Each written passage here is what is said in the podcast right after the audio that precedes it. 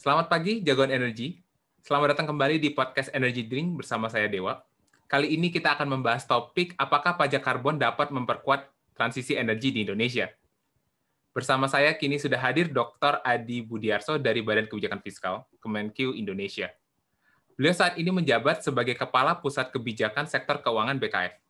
Sebelumnya, beliau pernah menjabat sebagai Sekretaris Kerja Panitia Nasional 2018 Annual Meetings IMF World Bank Group dan Kepala Pusat Pembiayaan Perubahan Iklim dan Multilateral Badan Kebijakan Fiskal. Apa kabar Pak Adi? Selamat siang Mas Dewa, selamat siang semuanya. Terima kasih. Ya, kabar selamat, baik. Selamat siang Pak. Ya semoga Bapak sehat selalu Pak. Sama-sama Mas Dewa. Ya. Jadi ketika kita bicara mengenai emisi karbon, saat ini sudah memasuki babak baru.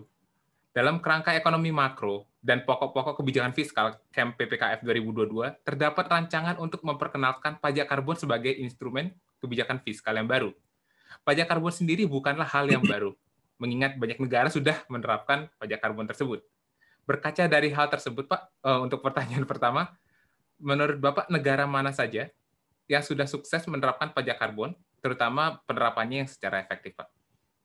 Terima kasih Mas Dewa. Mungkin saya juga memberikan sedikit background ya. Jadi betul sekali tadi pemerintah saat ini sedang men, uh, mengevaluasi dan melakukan studi pendalaman khusus untuk meningkatkan kapasitas nasional, tidak hanya uh, mengadres isu karbon per se, tetapi juga bagaimana dari struktur pendapatan ya, kemudian dorongan untuk kebijakan fiskal dalam hal ini adalah dukungan kepada Eh, pembiayaan pembelanjaan dan juga ke pembiayaannya. Jadi secara lengkap APBN itu perannya adalah untuk meningkatkan kapasitas negara ya nasional untuk mengadres isu climate change secara umum dan juga secara khusus tadi Mas Dewa sampaikan uh, di sektor energi yaitu untuk uh, mendorong sustainable development ya khususnya dalam hal ini adalah di sektor energi. Nah, apakah pajak karbon ini berhasil dilakukan. Ya kalau kita melihat dari studi ya dari uh, Australian National University di 142 negara yang telah menerapkan carbon tax atau memasukkan aspek carbon pricing, mungkin ini istilah yang lebih umum ya carbon pricing uh, pada framework kebijakannya itu cenderung mereka memiliki tingkat pertumbuhan emisi karbon yang lebih rendah. Ya. Nah ini dibanding dengan yang tidak menerapkan kebijakan carbon pricing tadi. Nah kemudian bagaimana studi itu bisa diketahui ya penurunan itu sebenarnya terkait dengan penerapan carbon tax secara spesifik atau ada aspek kebijakan lain yang mendukung penurunan emisi secara keseluruhan. Ya. Nah, salah satu contoh misalnya Jepang ya tahun 2012 membebankan pajak karbon per ton emisi itu kira-kira 289 yen atau kira-kira setara dengan 38 ribu ya eh, sejak enam tahun terakhir di 2013 sampai 2018. Jepang berhasil mengurangi emisi karbon sampai 8,2 persen. Nah, perlu kita ingat bahwasannya tadi eh, Jepang juga melakukan atau mengiringi kebijakan pajak karbon tadi dengan penggunaan secara masif eh, energi yang terbarukan. Dalam hal ini adalah energi nuklir ya ini tentu pilihan dari kebijakan pemerintah Jepang untuk meningkatkan efisiensi penggunaan energi di industri di Jepang. Nah, jadi intinya secara uh, umum uh, berdasarkan studi tadi, kesuksesan penerapan kebijakan carbon pricing seperti antara lain pajak karbon itu tidak berdiri sendiri, tapi berdiri dalam sebuah kebijakan besar fiskal, ya finansial negara tersebut. Nah, secara Uh, mungkin saya juga ingin sedikit memberikan penekanan. Indonesia juga punya komitmen ya dalam Climate Transparency Report 2020 uh, eh, penurunan emisi karbon atau di dalam uh, komitmen nasional itu namanya Nationally Determined Contribution itu Indonesia melihat satu-satu ya sektor-sektor mana yang kelihatannya bisa berkontribusi untuk penurunan emisi tadi. Oleh karena itu langkah baiknya Tadi keseluruhan paket itu kita lihat secara utuh, Mas Dewa. Demikian, terima kasih. Ya, uh, terima kasih Pak jawabannya. Um, cukup, saya cukup paham juga Pak. Jadi kemarin saya sempat membaca laporan dari UNFCCC. Jadi uh, mereka membandingkan bagaimana climate policy plan itu diterapkan dan impact-nya terhadap uh, carbon intensity yang menurun. Jadi um, persis dengan apa yang Bapak bilang sampaikan tadi. Jadi ketika ada penerapan sebuah climate uh, policy dalam hal ini bisa carbon pricing mau dia ETS atau dalam bentuk carbon tax itu akan menekan intensitas energi yang secara akumulatif akan mengenerate penurunan secara signifikan dari intensitas karbon tersebut, Pak. Nah, jika kita berkaca dari tadi Pak, ya, Bapak menyebutkan Jepang salah satunya contoh negara yang terdekat atau mungkin Singapura yang baru-baru ini menerapkan pada tahun 2019. Dan mereka memiliki skema yang sedikit kurang lebih sama walaupun ada uh, implementasinya ada perbedaan di lapangan. Nah, kira-kira di Indonesia sendiri uh, model atau skenario pajak seperti apa yang ingin diterapkan Pak di Indonesia? Dan lantas dari penerapan pajak karbon ini harapan apa yang ingin dicapai? Seperti itu, Pak. Ya, pertama begini mas, kita harus meyakini ya bahwa pajak itu adalah instrumen kebijakan. Nah, fakta di lapangan eh, dengan adanya climate change, kemungkinan kenaikan suhu akibat karbon yang berlebihan di udara sehingga mengakibatkan pemanasan global itu diprediksi di 2000 100 tahun setelah 2000 lah ya, sekiranya 2100, 2050 sampai 2100. Kalau itu meningkat 2 derajat sampai 6 derajat Celcius, itu disaster yang diakibatkan itu luar biasa. Jadi akibatnya pemerintah juga sudah pernah memprediksi ya bersama dengan koalisi uh, Indonesia juga masuk dalam koalisi Kementerian Keuangan yang komit terhadap uh, apa namanya action untuk mendorong uh, sadar betul tentang bahaya perubahan iklim ini. Itu kita memang harus benar-benar meningkatkan kapasitas untuk menurunkan emisi tadi. Nah, penurunan emisi itu membutuhkan biaya, Mas Dewa. Makanya salah satu biaya yang di, bisa dialokasikan oleh pemerintah pertama tentunya dari APBN.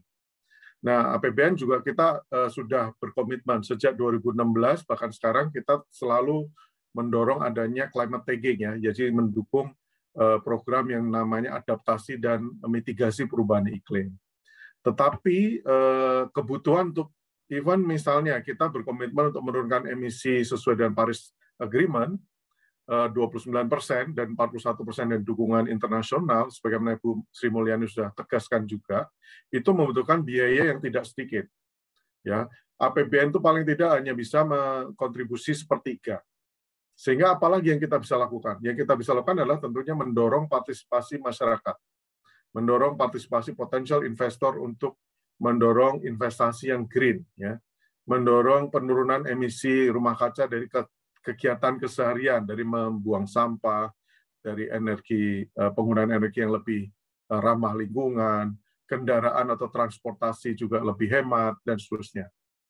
Nah, oleh karena itu, misalnya kita bilang carbon credit per se, carbon tax misalnya, carbon tax itu salah satu untuk mendorong penurunan tadi kegiatan-kegiatan yang atau paling tidak membebani kepada mereka yang memiliki emisi lebih besar terhadap karbon untuk membayar kontribusi gitu untuk kegiatan uh, global atau dalam hal ini nasional uh, untuk mendorong kesadaran betul tentang uh, perlunya dana untuk komitmen terhadap NDC dan juga untuk memitigasi dan adaptasi terhadap dampak dari perubahan iklim tadi.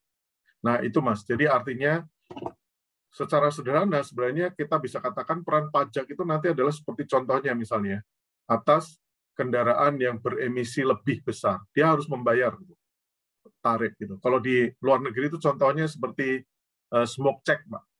Nah, Indonesia itu belum budaya itu belum tuh, gitu ya. Kita kita dorong.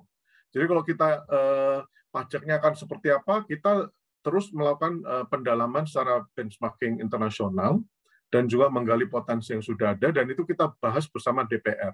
Sehingga nanti betul concern dari teman-teman energi maupun dari masyarakat secara umum kita akan naikkan kelas nih, kita setara dengan negara-negara maju lainnya, supaya kita bisa paling tidak lebih sigap di dalam membiayai eh, komitmen terhadap penurunan NDC dan juga mendorong kesiapan masyarakat kita dan nasional kita untuk termasuk mensikapi ya eh, korban dalam tanda petik apabila terjadi eh, bencana akibat perubahan iklim. Itu luar biasa sekali, Mas. Jadi panas yang ada sekarang di Kanada misalnya itu luar biasa, 50 derajat lebih ya.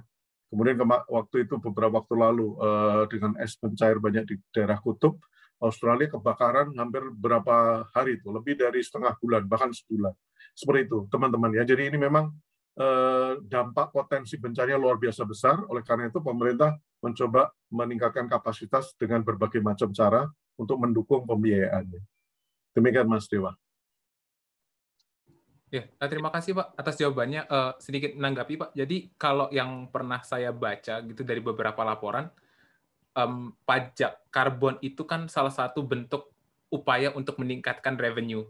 Nah, revenue-nya nanti sendiri uh, akan dikembalikan ke masing-masing kebijakan negara. Kalau misalkan saya ambil contoh, misalkan Jepang atau Singapura yang menerapkan carbon tax, mereka menggunakan revenue-nya spesifik untuk meningkatkan energy efficiency atau mendukung uh, sektor EBT Sedangkan di Prancis misalnya mereka menggunakan carbon tax, uh, revenue yang didapatkan itu untuk general budget, jadi bisa dialihkan untuk sektor kesehatan, pendidikan, dan sebagainya. Nah, menurut Bapak, kemungkinan Indonesia akan melakukan, mengikuti pendekatan seperti apa Pak dalam pemanfaatan revenue dari uh, pajak karbon ini?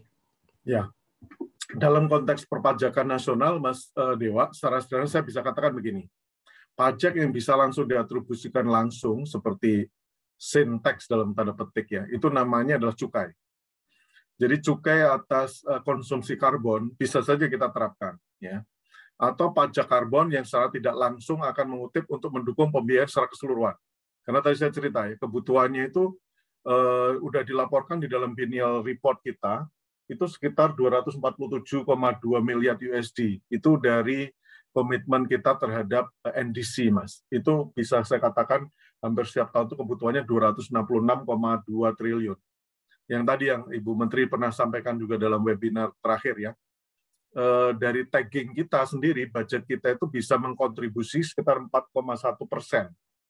Itu sekitar 80 sampai 90 triliun per tahun, Mas. Artinya, kita akan mendorong kapasitas kita untuk berbagai macam kemungkinan uh, dukungan pembiayaan. Salah satunya pajak karbon, itu kita ada dua mekanisme, pajak yang langsung melalui cukai, atau pajak tidak langsung dalam tanda petik nanti kita coba belajar dari karbon tax yang tadi Mas sampaikan. Itu nanti kita akan coba eh, apa namanya simulasikan gitu. Bagaimana dan apa yang paling tepat untuk kondisi seperti Indonesia. Nah, bahkan eh, tidak berlebihan juga kita juga lihat target Indonesia itu ke depan untuk penurunan emisi itu ada empat utama, Pak. Yang pertama adalah kehutanan, yang kedua adalah energi, transportasi, dan waste management.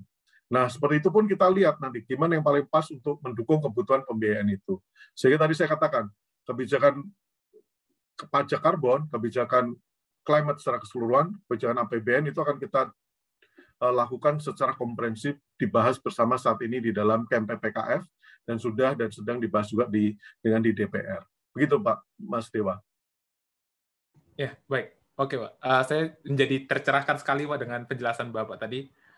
Um, kembali Pak berkaca um, dari tadi Bapak mengangkat mengenai simulasi yang dilakukan oleh uh, teman-teman dari Kemenkeu. Nah, dari simulasi yang uh, mungkin yang sampai hari ini sedang dikerjakan seperti itu, um, adakah sektor yang secara spesifik ingin dikenakan pajak karbon, Pak. Lalu, uh, jadi uh, ketika saya baca berita dari kontan itu, saya pernah membaca itu ada uh, besaran sekitar 75.000 per ton CO2 ekuivalen itu untuk harga per emisi karbonnya itu. Apakah itu sudah menjadi harga pasti dari itu atau nanti akan berubah sesuai dengan hal yang sedang didiskusikan bersama teman-teman DPR, Pak? Oke, iya, terima kasih. Jadi Mas Dewa udah lihat diskusi di DPR ya. Itu termasuk sampai ke harga besar itu. Sebenarnya benchmark di internasional sendiri ada sekitar 3 dolar per ton sampai di atas itu ya 10 dolar. Itu range-nya ya. Kalau 75 ribu per ton tadi itu kira-kira 5 dolar ya. Berarti itu kan masuk yang average, Mas. Nah, itu kan akan kita bahas dengan uh, seluruh dan kita sangat open kok dengan industri ya. Jadi nanti mungkin kalau ada industri ingin ada masukan, saya rasa kita more than welcome untuk mendengar ya. Dan itu adalah salah satu mekanisme yang selama ini juga sedang dan telah kita coba lakukan pembahasan dan implementasinya ke depan. Jadi uh, welcome Mas. Jadi artinya memang uh, mekanisme carbon pricing per se uh, yang di carbon tax itu salah satunya adalah untuk secara langsung kita bisa naripin mereka atau memberikan apa namanya menunjukkan bahwa pajak itu bisa menjadi equity ya, equity tools ya untuk kita Eh, mereka yang memberikan polusi lebih besar dia harus membayar untuk supaya pemerintah juga bisa mempunyai kapasitas untuk menangani dampak terhadap uh, polusi tadi ya Contohnya misalnya untuk energi ya, eh, sektor energi itu yang dampak dari penggunaan misalnya energi yang berlebihan itu kan ke kesehatan. Tagihan di BPJS. Terus nanti dari pengelolaan lingkungan, pengelolaan desa dan seterusnya yang terdampak. Itu semua akan eh, terkait langsung Mas dengan diskusinya itu. Gitu Mas Dewa. Baik, saya setuju sekali Pak dengan uh, statement yang terkait dengan BPJS. Jadi uh, kalau saya waktu itu sempat diskusi bersama teman saya yang uh, kebetulan waktu itu sudah di Amerika, dia bilang uh, carbon tax di Indonesia itu harus cepat karena uh, banyak dari kita yang tidak menyadari seberapa besar dampak ISPA seperti itu. Jadi Betul. memang sudah saatnya transisi energi itu harus dilakukan sesegera mungkin dengan mendorong energi yang lebih bersih dan berkelanjutan. Nah, mengutip Bapak tadi uh, statement Pak, jadi uh, uh, Bapak dari dan teman-teman BK sangat open terhadap uh, masukan dari sektor industri. Nah, hingga sejauh ini Pak, uh, ada nggak Bapak pernah berdiskusi mungkin dengan para pelaku industri mengenai pajak karbon ini? Apakah mereka mendukung atau mereka justru memberikan stigma yang tanda kutip negatif seperti itu Pak? Terutama ya. untuk sektor energi, transportasi, dan industri Pak. Betul. Uh, kami dari sisi dengan uh, apa namanya industri khususnya dengan sektor real ya kita lakukan beberapa kali. Terakhir kemarin sahli penerimaan berdiskusi dengan industri semen ya. Saya belum sebelumnya juga kita sempat diskusi dengan industri tekstil. Kemudian kami di BKF juga pernah melakukan seminar uh, nasional terkait dengan sustainability accounting ya. Sustainability accounting itu artinya mendukung yang selama ini kebijakan sudah didorong oleh OJK untuk uh, korporasi itu mulai sadar betul bahwa kita itu ada circular economy ya. Circular economy itu mungkin pendekatan secara sederhana bahwa dari produksi ya input sampai output itu ternyata kita perlu mempertimbangkan semua aspek yang terkait di dalamnya, termasuk amdalnya ya dampak lingkungannya, dampak kepada sosialnya, dampak kepada masyarakat. Nah ini sudah ada gerakan internasional untuk dari tingkat korporasi, mas, untuk sadar betul bahwa kalau anda menyadari di dalam proses rantai tadi circular economy, rantai bisnis Anda sejak awal sampai terakhir itu ada konsekuensi lingkungan di dalamnya, berarti Anda termasuk memiliki tanggung jawab untuk berkontribusi. Dan itu ada banyak negara apa namanya korporasi sudah mau mengkontribusi itu Mas dalam dalam bentuk apa? CSR. Nah, CSR itu bukan pajak, CSR itu adalah willingness dari korporasi untuk menyadari bahwa dia akan apa namanya Eh, dari produknya misalnya dari bekas eh, apa namanya limbah produknya itu akan berpotensi mencemari, dia melakukan kegiatan aksi sosial untuk mengkolek waste misalnya seperti itu, atau mendaur ulang, atau bahkan mengkontribusi untuk uh, lingkungan, ya, untuk development, untuk capacity building dan seterusnya. Nah ini sebenarnya yang secara apa dalam tanda petik ya, secara voluntarily dilakukan oleh masyarakat dan oleh industri yang sadar betul tapi tidak semua industri kan menyadari tentang konsekuensi itu, Mas. Makanya pajak uh, sudah waktunya kayaknya sekarang untuk di, didorong gitu bahwa pajak itu menjadi tools pemerintah untuk me equality atau equity ya, equity support ya kepada kebutuhan nasional yang sudah kita hitung di Biennial Report tahun 2018, kebutuhannya cukup besar sekali tadi. Which is kita pemerintah itu baru bisa mengalokasikan hampir sepertiganya. Jadi lebih banyak kita ingin ada partisipasi internasional, dan itu sudah kita lakukan, partisipasi CSR, dan kita akan orkestrasi secara penuh untuk pembiayaan dukungannya ke depan. Seperti itu, Pak. Mas Dewa. Ya, baik Pak. Uh, menarik sekali Pak. Jadi uh, dari perspektif uh, dari sisi industrinya gitu menggunakan CSR. Uh, saya ingin bertanya lagi Pak. Jadi um, kalau dari perspektif sisi industri akan seperti itu, Pak. Jadi mereka mungkin akan lebih menggiatkan upaya-upaya yang ramah lingkungan. Nah, kalau misalkan kita bicara dari sisi transportasi kan yang lebih terdampak menurut saya adalah konsumen, Pak. Karena kita menggunakan kendaraan sehari-hari dan mayoritas kalau kita melihat di jalan kita sangat jarang menemukan EV berjalan gitu karena memang harganya masih mahal gitu. Nah, um, jika penerapan carbon tax ini nanti uh, akan membebani dari para konsumen yaitu masyarakat pada umumnya, adakah langkah-langkah mitigasi Pak yang dilakukan untuk jadi sebagai uh, peraturan pendukung agar beban dari pajak karbon tax ini tidak serta merta akan membebani dari masyarakat pada umumnya Pak, seperti itu. Ya, uh, sektor transportasi di tingkat global itu adalah target utama sebenarnya mas. Di kita mungkin bukan yang utama karena memang uh, Indonesia masih banyak sektor kehutanan yang utama tuh ya. Kita mendorong jangan sampai uh, kita lengah sehingga terjadi kebakaran hutan. Itu yang kita benar-benar jaga betul. Nah yang kedua setelah itulah energi, which is salah satunya di transportasi. Saya uh, menyadari betul bahwa konsekuensi logis dari pajak karbon adalah transmisinya kepada konsumen, which is konsumen harus membayar lebih mahal. Tapi apakah selalu begitu? Belum tentu juga. Jadi contohnya misalnya di Semarang itu ada program yang kita support dengan program Green Climate Fund nasional kita NDA di PKF itu kan mensupport salah satunya Pemda Semarang untuk mass transportnya menggunakan energi yang lebih uh, ramah pada lingkungan. Nah itu ada ada dukungan pemerintah di situ, di mana ada grant dari GCF program, ada dukungan pembiayaan yang akan kita coba lihat di sana. Begitu nanti jalan, itu akan bisa menjadi model yang bagus sekali untuk transisi secara bertahap. Begitu, Mas Dewa. Karena memang ini bukan menjadi tugas melulu dalam tanda petik eh, pemerintah dan konsumen saja, tetapi justru bahkan kita mencoba mencari mekanisme yang mungkin paling pas. Dan ini waktunya kita, karena beberapa saat yang lalu, mungkin Mas Dewa juga pernah dengar, kita itu ada program di mana beberapa uh, negara donor seperti Jepang ya itu membantu kita untuk melakukan eh, CDM misalnya ya uh, Clean Development Mechanism ya.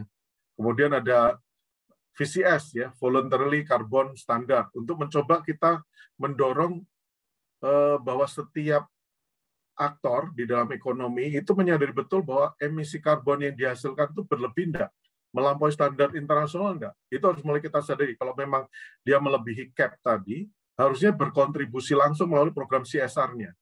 Kalaupun tidak, nanti pemerintah akan hadir dalam bentuk pemajakannya, karena dia harus membayar uh, untuk supaya didistribusikan kepada kebutuhan untuk yang terkena tadi ya masyarakat lain yang terkena itu tentunya adalah yang terdampak secara langsung baik lingkungan maupun secara kesehatan ya itu yang uh, kedua mas lalu yang ketiga saya juga eh, menyambut baik kalau nanti misalnya untuk energi misalnya transportasi ya. Eh, beberapa negara seperti Jerman ya Korea itu sudah mulai ada riset terkait dengan eh, mobil yang ramah dalam arti penggunaan baterai ya. Jadi masuk ke listrik tidak hanya menggunakan energi yang lebih eh, clean tapi juga transform ke eh, transform, transportasi yang lebih benar-benar eh, apa namanya futuristik lah ya menghadirkan energi yang ramah lingkungan, tapi juga harapannya ke depan bakal lebih murah. Nah, ini tentunya uh, membutuhkan kerjasama juga dengan berbagai macam pihak, tidak bisa sendiri ya. Contohnya misalnya uh, untuk chargingnya itu kan butuh apa namanya rumah charge tersendiri. Nanti sumbernya dari mana? Apakah dari PLN atau dari mana? Itu yang kita coba lihat mata rantainya. Sehingga memang betul ini harus menciptakan budaya baru ya, budaya yang ramah lingkungan, budaya yang lebih sustainable gitu ya untuk uh, berbagai macam sektor, khususnya sektor energi, sektor nanti waste management uh, dan Indonesia dalam hal ini dalam uh, forestry atau lingkungan ya lebih Indonesia ini kan sebenarnya pabriknya oksigen Mas Dewa. Jadi mestinya Indonesia bisa memainkan tidak hanya carbon tax tapi juga carbon credit nanti dari bagaimana kita bisa mengkontribusi untuk dalam tanda petik mentrading potensi kita untuk bisa dijual kepada negara-negara yang lebih banyak memberikan polusi ke dunia ini ya ke negara eh, global tingkat global dan Indonesia bisa malah justru mendorong kita kemampuan untuk bisa mengambil manfaat ya dari sana. Itu Mas Dewa. Baik Pak, itu menarik sekali Pak. Eh, seperti saya mendengar sebuah roadmap gitu Pak dari penjelasan Bapak tadi. Saya sedikit tertarik Pak. Jadi eh, tadi Bapak cerita tentang eh, ada yang dari Jepang yang eh, membantu dalam eh, CDM dan sebagainya. Nah, eh, menurut pandangan Bapak, apakah ketika kita menerapkan sebuah kebijakan yang cenderung sustain dalam artian sesuatu yang kebijakan yang bersifat ramah lingkungan, itu akan mendatangkan mendatangkan peluang kerjasama negara asing untuk berinvestasi di Indonesia, Pak? Betul.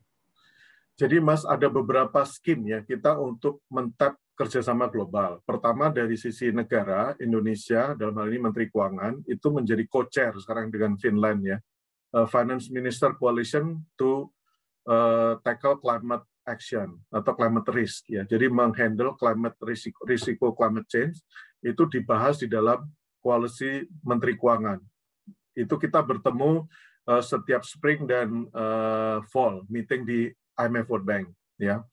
Nah, kita juga uh, secara global kita menjadi bagian dari Green Climate Fund sama Green GEF yang itu kalau GEF itu di KLHK lebih kepada program yang lebih adaptasi, tapi kalau yang uh, dan mitigasi yang lebih terukur ya untuk uh, government, tapi yang lebih banyak melibatkan swasta itu GCF.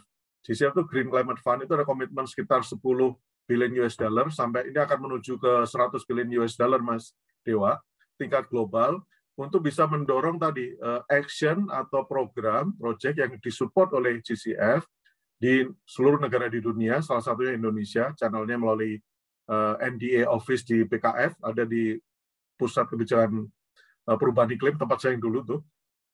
Itu kita mencoba memitigasi atau membantu proyek-proyek dari daerah-daerah dan dari kabupaten-kabupaten itu bisa tapping dana dari Green Climate Fund itu, Mas. Itu bisa menjadi proyek semacam feasibility study, bisa tadi proyek untuk transformasi energi ramah lingkungan dan transportasi yang lebih ramah lingkungan di Semarang dan seterusnya ya.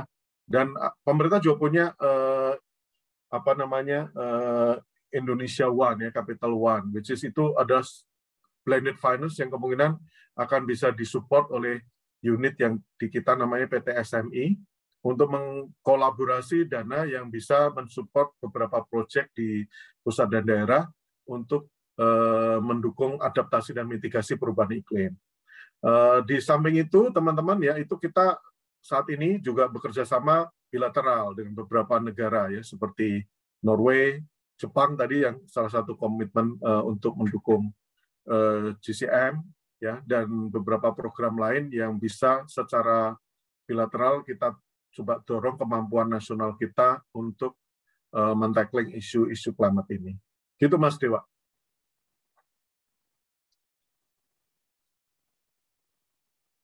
Ya, uh, menarik sekali Pak. Jadi um, saya cukup terbantu dengan penjelasan Bapak tadi mengenai um, tadi Green Climate Fund, terus kemudian juga kolaborasi antara negara secara global dalam memitigasi dampak lingkungan di dunia dan sebagainya. Nah, Pak, saya sebenarnya penasaran Pak. Ini uh, kalau misalkan kita bicara dengan Global Climate Fund, itu fund-nya itu berasal dari mana Pak? Apakah setiap negara menyumbangkan sekian persen atau prinsipnya seperti uh, ada donatur besar gitu, kayak filantropis sepanjangnya gitu. Ya, uh, seperti tadi kita diskusikan di awal ya Mas. Jadi climate change itu adalah masalah global. Jadi komitmennya itu berseri ya, ada beberapa diskusinya hingga puncaknya itu uh, komitmen Paris ya, Paris Agreement, di mana negara-negara maju dan negara-negara berkembang itu berkomitmen untuk NDC, Nationally Determined Contribution untuk mengurangi emisi gas rumah kaca, termasuk salah satu Indonesia kan 29 persen, eh, dan kerjasama internasional 41 persen. Nah, di tingkat global, negara-negara maju itu komit, kita akan naruh dana. Sekarang udah terjadi tuh, eh, hampir 9 atau 10 billion US dollar, ditaruh di fund. Nah, fund ini nanti ada salah untuk pemberdayaan dan untuk mendorong proyek-proyek atau pengembangan untuk uh, apa namanya uh, kegiatan atau proyek adaptasi mitigasi perubahan iklim yang dihandle oleh masing-masing negara yang akan tap ke sana. Indonesia salah satunya kita pernah kita sudah mendapatkan tiga proyek, kemudian Brazil, Argentina dan beberapa negara itu mencoba untuk berusaha. Ya, kantor pusatnya ada di Korea Selatan ya, uh, dan itu sekarang ini kita juga uh, terus bekerja sama bahkan dengan MDBs MDBs itu Multilateral Development Banks, untuk uh, bagaimana mensinkronkan program-program atau proyek-proyek yang ada juga di beberapa MDBs itu, Mas. Contohnya MDBs ya IFAD, ya kan, ISDB, kemudian AIB, ADB, World Bank, dan seterusnya, yang memiliki program-program atau technical assistance untuk mendorong negara-negara masuk ke dalam uh, diskusi untuk bisa mentackling climate change secara uh, konstruktif, gitu ya. Nah, lalu ide dari Menteri Keuangan dalam hal ini, kita menjadi bagian dalam koalisi Menteri Keuangan Global, kita ingin coba mendudukan nih, eh, kebutuhan negara maju dan kebutuhan negara berkembang atau emerging country seperti Indonesia kan berbeda ya. Contohnya Indonesia ini kan sekarang kita baru dalam upaya berkomitmen dalam energi transisi yang secara penuh ya. Tapi kan kita butuh waktu yang lebih lama tentunya. Karena apa? Karena kita udah ada komitmen, kita udah ada beberapa apa istilahnya komitmen development khususnya di dalam uh, transmisi pembiayaannya. Nah di negara maju jauh lebih siap misalnya mereka punya oke okay, gimana kalau kita melakukan uh, energi transisi by 2050 net zero misalnya seperti itu. Kita selalu dudukan pada proporsinya gimana negara maju dan negara berkembang harus kerjasama nih karena capacity building juga harus dilakukan oleh negara maju pada negara berkembang. Bagaimana kita juga bisa mendorong adanya pembiayaan dukungan pembiayaan dari negara maju, termasuk tadi dari grant ataupun dari dukungan pembiayaan lebih murah. Indonesia contohnya kita memiliki beberapa penerbitan green sukuk ya. Itu diapresiasi sangat berhasil. Nah, ke depan kita juga ingin uh, pola pembiayaan yang murah seperti itu itu bisa dilakukan karena seiring dengan pembiayaan yang murah, kita juga bisa meningkatkan komitmen untuk budget taking kita atau budget yang berkomit uh, terhadap lingkungan lebih besar dari sekedar hanya 4%. Seperti contohnya sekarang ini kita udah mulai masuk ke daerah-daerah, Mas Dewa. Jadi ada 11 daerah yang berkomitmen untuk mendukung pembiayaan uh, pembangunan yang lebih ramah iklim. Artinya prioritas pembangunannya harus lebih ramah kepada lingkungan, ramah kepada energi yang bersih, pengelolaan waste yang ter apa namanya terstruktur dengan rapi, dukungan pada environment yang lebih sehat dan seterusnya. Gitu Mas Dewa. Ya, baik Pak. Saya setuju Pak. Jadi uh, memang nantinya peran pembiayaan itu akan sangat penting dalam uh, suatu proses yang berkelanjutan terutama dari sektor energinya dan capacity building itu menjadi kunci dalam bagaimana nanti kita bisa berperan aktif secara global saya sangat setuju bahwa kita tidak bisa menyamaratakan posisi kita dengan negara maju karena kita start dari posisi yang berbeda. Betul. Jadi memang harus ada penyesuaian, harus ada langkah-langkah yang ibaratnya strategis tapi terukur seperti itu, Pak. Nah, jika kembali tadi kita berbicara mengenai sesuatu hal yang uh, berkelanjutan, Pak, dan peran dari uh, development banks yang ada sekarang ini memang kalau yang dari saya lihat dari sudut pandang saya, Pak, bekerja di sektor energi, mereka lebih saat ini fokus terhadap eh, proyek-proyek yang ramah lingkungan yaitu salah satunya adalah EBT seperti itu Pak. Nah, menurut pandangan Bapak bagaimanakah nanti apabila pajak karbon ini akan diterapkan di Indonesia, hal ini dapat mengkatalis eh, percepatan target bauran EBT misalkan 23% di 2025 atau 31% di 2050 Pak. Ya, terima kasih Mas Dewa. Uh, saya senang dengan kata-katanya Mas Dewa tadi, katalis itulah yang sebenarnya diperankan oleh pemerintah karena pemerintah itu ingin menjadi katalis pembangunan yang berkelanjutan. Nah, pembangunan yang berkelanjutan itu tentunya pembangunan yang affordable, yang sustainable. Nah, bauran dua itu ternyata cukup pelik, kita harus lihat. Nah, makanya tadi saya ingin mengajak teman-teman muda seperti Mas Dewa dan apa Purnomo Yuskiantoro Center untuk malah berkontribusi dalam what we can do better untuk transisi energi. Karena transisi energi itu bukan lagi eh, apa namanya pilihan, Mas. Itu keharusan. Dan kalau perlu kita malah ingin lebih cepat, gitu. Nah, itulah yang ingin di-showcase oleh Ibu Menteri Keuangan dan pimpinan di sektor keuangan khususnya dalam mendukung transisi tadi.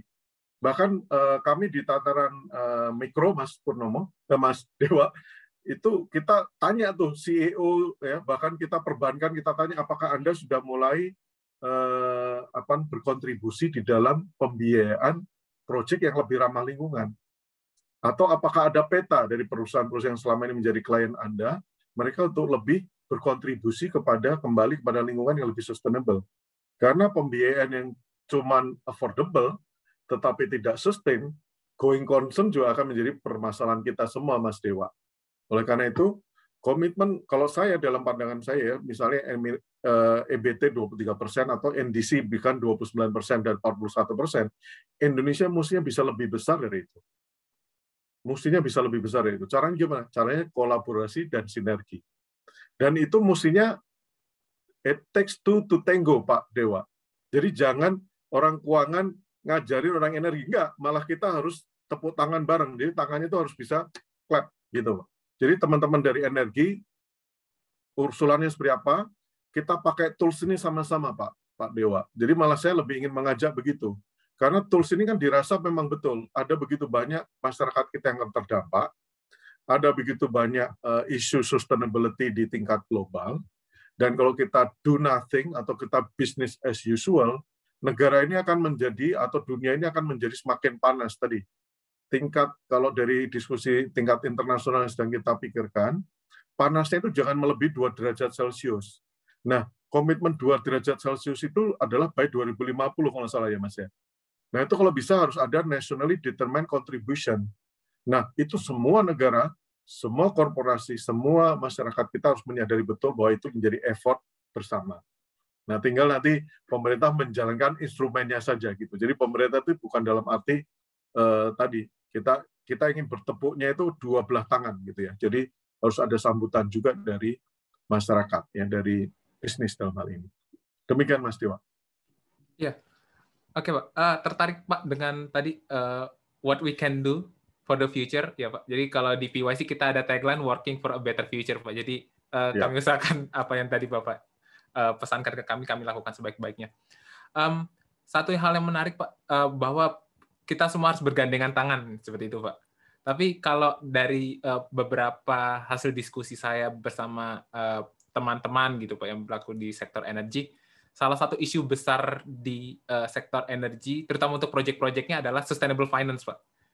Karena uh, ya kita tidak bisa memungkiri bahwa meminjam dari bank itu pasti ada sudut pandang ketika kita butuh bank melihat itu resikonya tinggi atau um, IRR-nya tidak memenuhi apa yang mereka set. Jadi di satu sisi pengembangan sektor energi mulai terhambat begitu Pak. Nah dari perspektif Bapak seperti uh, yang tadi Bapak sampaikan, kira-kira ada nggak sih Pak langkah yang perlu didorong agar kita semua bisa bergandengan tangan dari stakeholders, dari pelaku industri, juga dari sisi financial institution, Pak?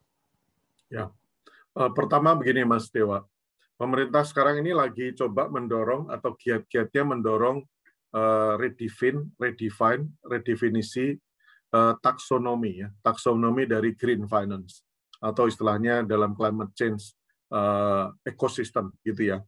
Nah, ekosistem climate change itu salah satunya tadi energi satunya dan energi itu harus ada komitmen untuk penurunan emisi dan energi transisi. Sebelumnya kita bahkan berpikir soal efisiensi, tetapi kayaknya ke depan dengan adanya global action yang makin kuat, kelihatannya harus ada lebih ke energi yang transformatif, energi yang lebih sustainable tadi, dan affordable. Nah, tentu itu membutuhkan partisipasi semua pihak, Mas Dewa. Nah, saya contohkan begini. Inisiatif bisnis sejak pertama, itu memang nanti akan di-channel kepada uh, financing ya. Apakah dia dari private financing, investor sendiri, atau dia masuk ke dalam uh, peran sektor keuangan. Peran sektor keuangan kita ada macam-macam. Kita ada dari bank, kredit, ada pasar modal, dan ada dari uh, kemungkinan kita nanti akan dorong adalah sustainable financing source of fund ya. Dan itu antara lain adalah darangan green sukuk, ada dengan global tadi GCF ya, program funding. Kita ingin coba dorong itu jangan cuma 10 billion, tapi kalau bisa negara maju komit menjadi 100 billion. Terus kita ingin juga lakukan uh, dorongan kepada pemerintah daerah juga karena mereka nanti kan akan terdampak langsung mas di daerahnya misalnya. Kalau mereka akan mencoba mendorong pembangkit listrik yang lebih ramah lingkungan eh, pembandingannya dengan yang sekarang misalnya. Transformasi seperti itu costingnya seperti apa eh, transformasinya seperti apa milestone-nya pengembangannya ke depan seperti apa. Termasuk nanti pembiayaannya. Jadi kita lebih kepada eh, pembangunan ekosistem tadi. Nah kami di sini juga saat ini sedang mencoba mendorong Eh, transformasi RUU baru, Mas, NUU di sektor keuangan.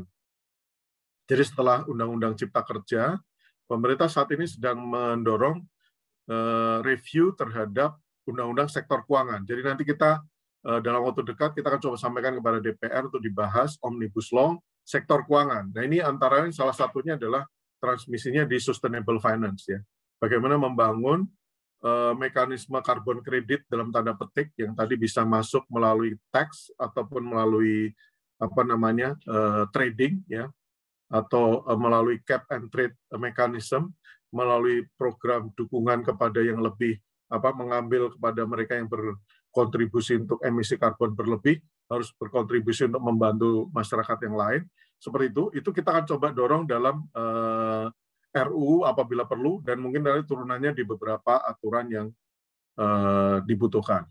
Nah, partisipasi di masyarakat itu menurut saya dari situ salah satunya. Jadi uh, formulasi kebijakan, aktivitas yang mendukung ini, kita juga nanti ada forum-forumnya selama ini toh kita sudah sedang lakukan juga untuk adaptasi dan mitigasi perubahan iklim. Satu lagi unit yang baru saja di launching oleh Kementerian Keuangan dan KLHK di tahun 2019 Mas Dewa itu adalah BPDLH ya. BPDLH itu adalah BLU eh, lingkungan hidup yang eh, kita siapkan untuk nanti menggawangi tapping dana-dana eh, grant maupun support untuk carbon trading untuk carbon financing dan juga untuk bekerja sama dengan pihak mana pun di dalam dan luar negeri untuk support kepada aktivitas untuk tackling climate risk. Nah, itu selama ini ada di KLHK BLU-nya, sekarang di blend dengan uh, di Kementerian Keuangan, harapannya adalah nanti bisa menjadi dalam tanda petik semacam uh, sovereign wealth fund, tapi juga semacam uh, participative fund ya untuk investasi dan untuk pembiayaan Eh, program adaptasi dan mitigasi perubahan iklim secara lengkap. Gitu Mas Dewa. Ya, baik Pak. Ah, sangat komprehensif sekali Pak, dan saya sangat tertarik. Jadi beberapa unit yang Bapak sampaikan termasuk uh, review undang-undang itu, saya cukup kaget pas mendengarnya. Jadi karena, oh, oh ini hal yang baru yang perlu saya gali lebih lanjut gitu. Dan nantinya bisa saya, kira-kira ke depan akan seperti apa itu bisa digambarkan dengan lebih jelas lagi uh, sangat menarik sekali Pak diskusinya dan saya memiliki satu pertanyaan terakhir Pak, one final question. Ya. Nah, seperti yang ini Pak. Jadi ketika penerapan pajak karbon pasti akan berimplikasi terhadap sektor-sektor yang memang mengemisi karbon dan hal ini adalah uh, fosil energi Pak. Dan yang menarik adalah fosil energi hingga saat ini sudah menjadi tulang punggung sektor energi termasuk sektor ekonomi Indonesia. Nah, ya. menurut Bapak bagaimanakah nanti peran uh, pajak karbon ini apabila diterapkan terhadap upaya pemenuhan energi dalam hal mewujudkan ketahanan energi dan ketahanan di ekonomi di Indonesia, Pak? Ya, mungkin saya cerita sejarahnya dulu ya, Mas. Jadi Indonesia ini mungkin kita uh, saya lebih ingin memberikan perspektifnya cukup supaya balance ya untuk anak muda apalagi. Jadi Indonesia ini menuju negara maju by 2045. Negara maju itu salah satu indikatornya adalah GDP, Eh, dan juga pertumbuhan ekonomi. Pertumbuhan ekonomi Indonesia sampai dengan sebelum krisis itu tuh sangat mengesankan. Kita tuh salah satu engine of growth ekonomi dunia. Dan bahkan Indonesia sudah siap untuk membiayai bahkan sampai eh, apa namanya pertumbuhan ekonomi 5 sampai 7 persen. Dan itu sudah kita rancangkan dalam beberapa puluh tahun sebelumnya, Mas Mas Dewa. Akibatnya komitmen itu kan eh, kita meningkatkan kapasitas kelistrikan ya uh, energi ya dalam hal ini adalah listrik dan itu dibiayai dengan uh, memang fosil ya dari batu bara. Nah ke depan uh, pada saat kita sadar betul bahwa ternyata energi batu bara energi itu di banyak negara maju mereka mencoba melakukan transisi ya ke energi yang lebih ramah lingkungan. Apa energi yang ramah lingkungan? Salah satunya angin, uh, apa solar, atau apakah nuklir misalnya seperti itu. Nah itu diskusi itu menurut saya harus dibuka ke teman-teman uh, anak muda dan khususnya kita ke depannya. Kita energi transisinya mau ke mana dan seterusnya. Dan itu uh, akan menjadi catatan tersendiri untuk pertumbuhan ekonomi kita ke depan dan juga format ekonomi kita ke depan. Nah, oleh karena itu uh, tentunya pemerintah tidak akan serta merta uh, apa membalikkan telapak tangan yang tanpa perhitungan sama sekali. Kita harus sama-sama duduk bersama untuk memikirkan transisi yang lebih affordable dan sustainable tadi. Kita yakin betul bahwa memang uh, global action itu dibutuhkan, apalagi kalau kita menyadari bahwa dengan tanpa melakukan apa-apa itu ada konsekuensi sangat-sangat besar untuk masyarakat ya. Bahkan di Indonesia pun beberapa bencana yang ada di Indonesia selama ini itu adalah akibat dari high, apa perubahan iklim juga gitu ya dari banjir, tsunami, eh, bencana alam lain bahkan karena Indonesia juga berada di dalam eh, apa namanya plato atau ring of fire kita ya jadi kita harus selalu alert terhadap kemungkinan bencana di eh, setiap waktu dan Indonesia sudah meningkatkan kapasitas kita juga untuk itu dan itu perlu biaya. Nah kembali ke sektor energi karena itu menjadi salah satu kunci ya ke depan. Tentunya pemerintah juga ingin mendorong eh, inisiatif-inisiatif yang bisa paling tidak memitigasi affordability pembiayaan itu kepada masyarakat luas. Ya, jadi kalaupun nanti akan energi, malah justru tadi it takes two to tango, itu yang kita harapkan Mas Dewa. Tolong eh, teman-teman uh, energi yang selama ini sudah banyak memakai energi fosil, solusinya apa gitu. Kalau pemerintah ingin mendorong bahkan yuk kita pikirkan energi transisi. Nah, how to deal with that and how to uh, make the scenario simulasinya ini waktunya ya.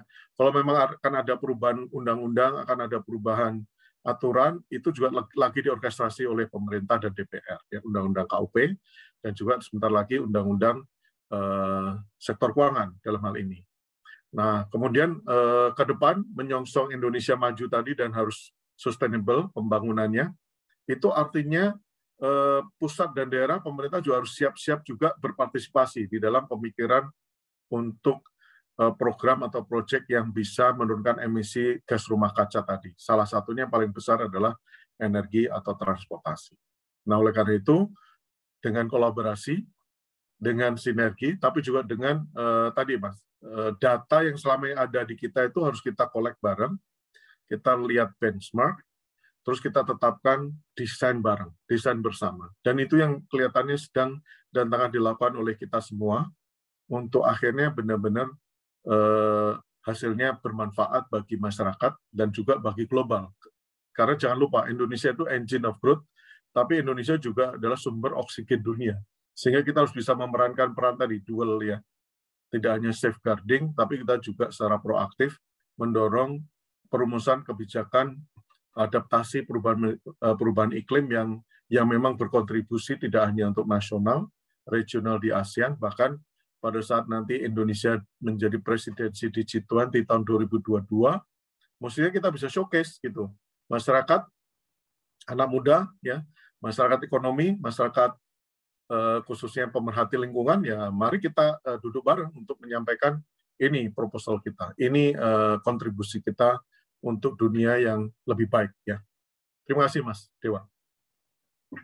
Ya, terima kasih Pak Adi atas penjelasan yang luar biasa sekali. Uh, wow, wow. Mungkin itu yang bisa saya sampaikan Pak. Jadi kalau saya bisa menarik sebuah kesimpulan yang cukup besar dari diskusi kita kali ini, bahwa kuncinya adalah kita saling bergandengan tangan.